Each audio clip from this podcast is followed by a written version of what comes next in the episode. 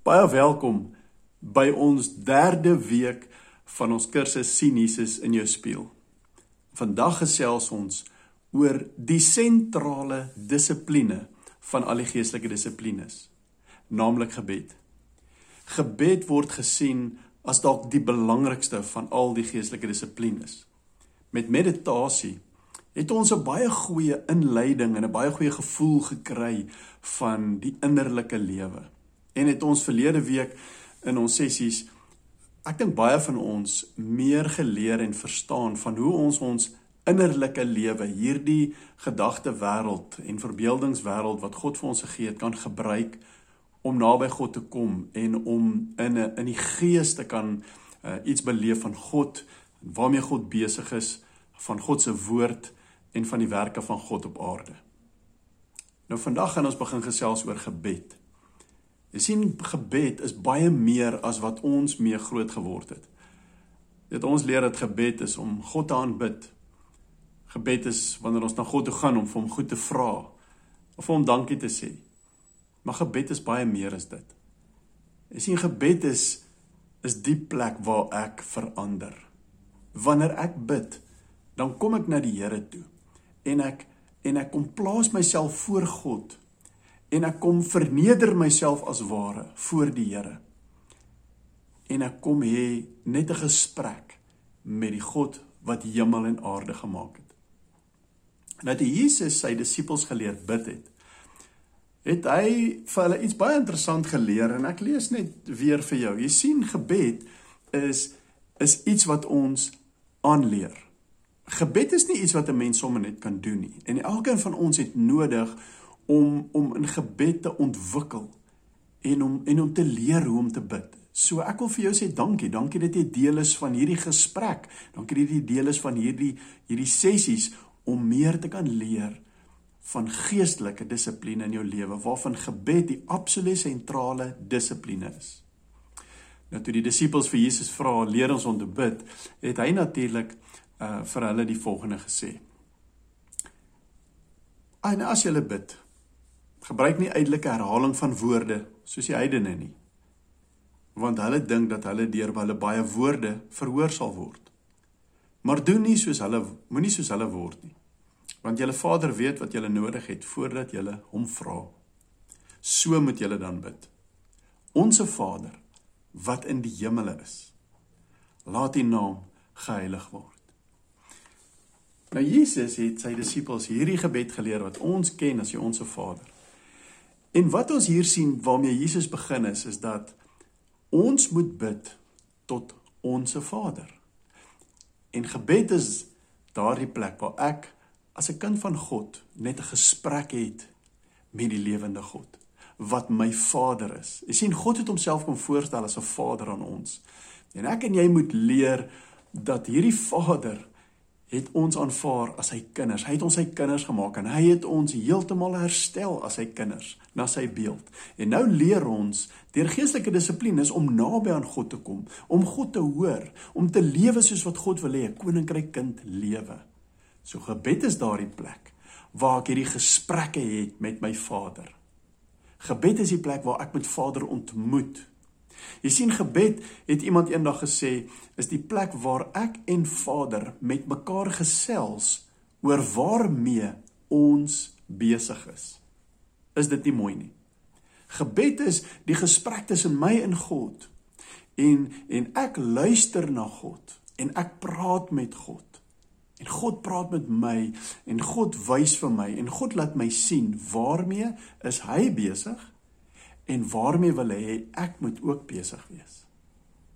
So gebed is daardie plek waar ek myself verneder voor God. Gebed is waar ek myself voor God kom plaas en ek wil by hom hoor. Maar gebed is ook die plek waar ek gemaklik is voor God, want hy is soos 'n vader vir my. Ek is 'n ek kom in 'n plek in wat vir my 'n 'n doodnormale spasie is. Jy sien die lewe van 'n Christen is die lewe van gebed. En dit is normaal vir my om te bid. Daar daar moenie 'n skeiding wees in my lewe tussen my gebedslewe en my lewe nie. My gebedslewe en my lewe met God is eintlik vervleg in mekaar en ek lewe konstant in gebed soos wat die woord ons ook leer. Dat ons bid altyd, sê Paulus ook. Gebed is is 'n uh, is daardie plek waar ek ook by God kom leer oor wat hy besig is mee en waarmee hy wil hê ek moet besig wees. So gebed kan ons sien byvoorbeeld dat ek uh, is in 'n klaskamer met God. As ek daardie prentjie kan gebruik. Jy weet gebed is waar ek myself kom plaas voor die Here soos 'n kind in 'n klaskamer van 'n onderwyser. En is net ek en die Here daar. En en in hierdie klaskamer praat die Here met my, wys die Here my, leer die Here my. En ek luister en ek sien wat hy doen. En dit is in hierdie plek waar ek dan ook leer om gehoorsaam te wees aan die een wat my leer, die een wat met my praat. En dan gaan ek uit met wat ek gehoor het en dan gaan lewe ek dit. Jy sien 'n gebed is om te verander. Gebed is is is iets in ons lewe wat God gebruik om ons te verander want soos wat ek sien wat God my wys, soos wat ek sien wat God my leer, maak ek die besluit om ook te verander na wat hy my wys of my sê. So wat ons sien is, gebed is om myself te verneder.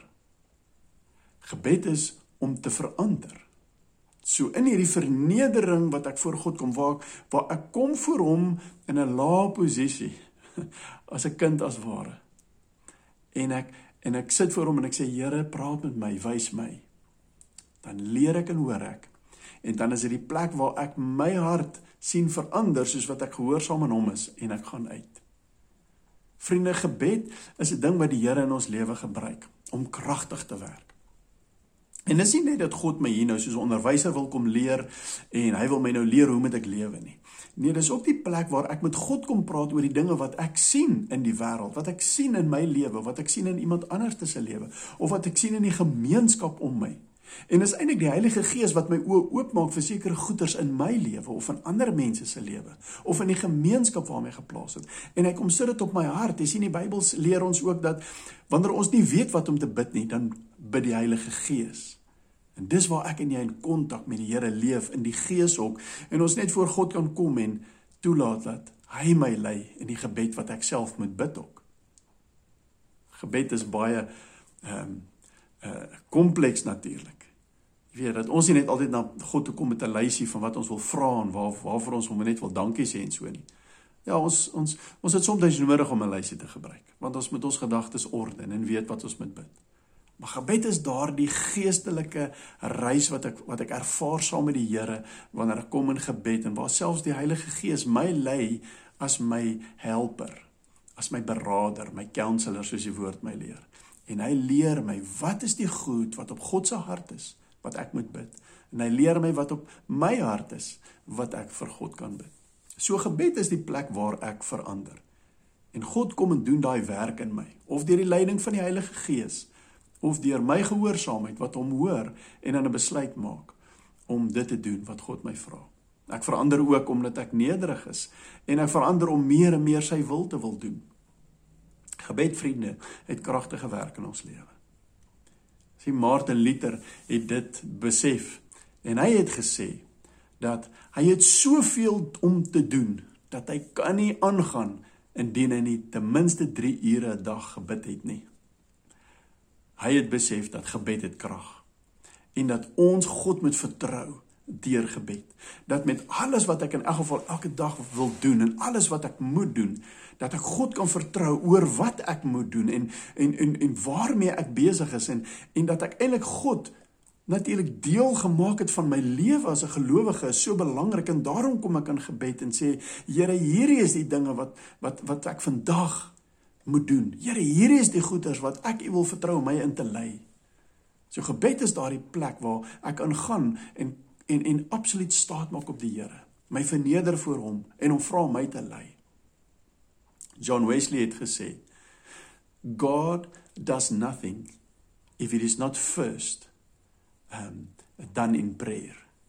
If it's not first committed in prayer. En dit is so vriende. God wil werk. God wil deur ons werk. God wil saam met ons werk. God stel belang in ons. God is deel van ons lewe en God wil hê dat ons moet voor hom kom en ons moet ons vertroue in hom kom plaas in gebed. Jy sien gebed verander ons om ons te leer dat ons vertroue is in die Here. So wanneer ek bid en myself verneder en dan voor God kom en ek kom plaas die dinge wat in my hart is, wat in my lewe is, wat in my dag is, wat in my wêreld is, dan kom vertroue kom. Ek kom verneder myself want ek vertrou nie op my eie kragte nie, ek vertrou op Hom. En ek kom plaas dit in sy hande. En ek kom praat met my Vader en ek sê Vader, hier is die dinge op my hart. Hier is die dinge in my lewe. Vader, wat wil U hê moet ek doen? Vader, hoe wil U hê moet ek doen? En ek kom en ek kom vertrou die Vader. Sien gebed is om te verander. Is om te verander om self dinge te wil doen, self dinge te wil te vermag, maar om God die Vader, my Vader, die kragtige almagtige God te kom toevertrou, my geloof in hom te kom plaas deur gebed. Ek verneder myself en ek leef nie uit myself nie, maar ek weet dat ek leef uit hierdie God en my verhouding met hom. Gebed vriende, is waar ons verander. Gebed is sentraal van al die dissiplines. En as ons gebed gebruik in ons in ons vervleg dit in elkeen van die ander dissiplines, van meditasie, vas, Bybelstudie en elke elkeen van die ander dissiplines waar waar ek dienswerk gaan doen, waar ek waar ek waar ek deel is van 'n gemeenskap van gelowiges, wanneer dit in gebed vasgemaak is, wanneer dit deur gebed vervleg is, vriende, dan kan ons die Here vertrou vir sy seën en vir sy werking, vir sy kragtige werking. Want ek maak op hom staat. Want ek plaas my geloof in hom. Want ek stap saam met my Vader. Dis die besigheid waarmee ek en hy elke dag besig is wat ek dan kom vasmaak in gebed en ek kom vertrou op hom. Vriende, ons gaan hierdie week lekker gesels oor gebed. En mag die Here jou seën en ek sien jou dan weer môre. Totsiens.